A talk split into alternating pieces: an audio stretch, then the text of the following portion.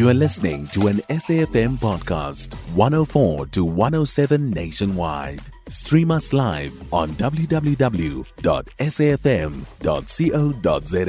or via the SABC Plus app. SABC News, independent and impartial. Any threats of disruptions will be dealt with decisively within the ambit of the law. Only those in possession of accreditation to attend will be allowed near the venue and restricted areas. Therefore, those who are still without accreditation, which includes officials and members of the media, are advised to pre register and obtain a non transferable accreditation. The online registration process will close on the 18th of August 2023.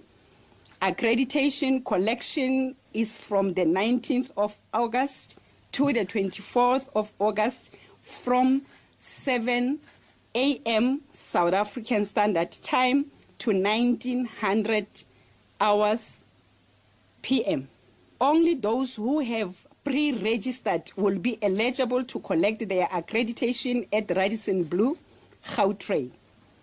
Those found with fraudulent accreditation will face the full might of the law and will be dealt with accordingly. No accreditation cut, no entrance to the venue.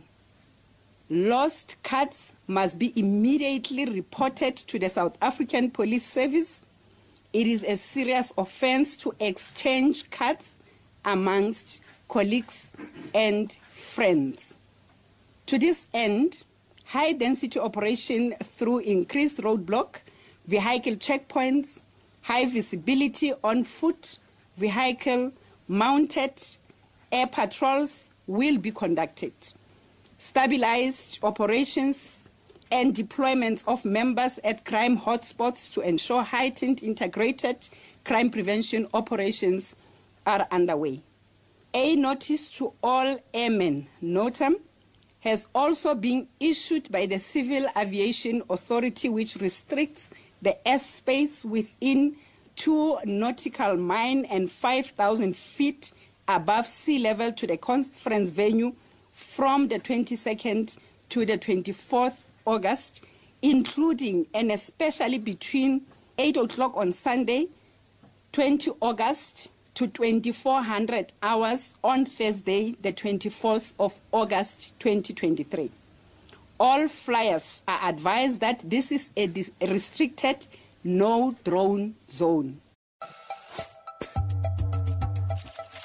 You can find SAFM Current Affairs on 104 to 107 nationwide.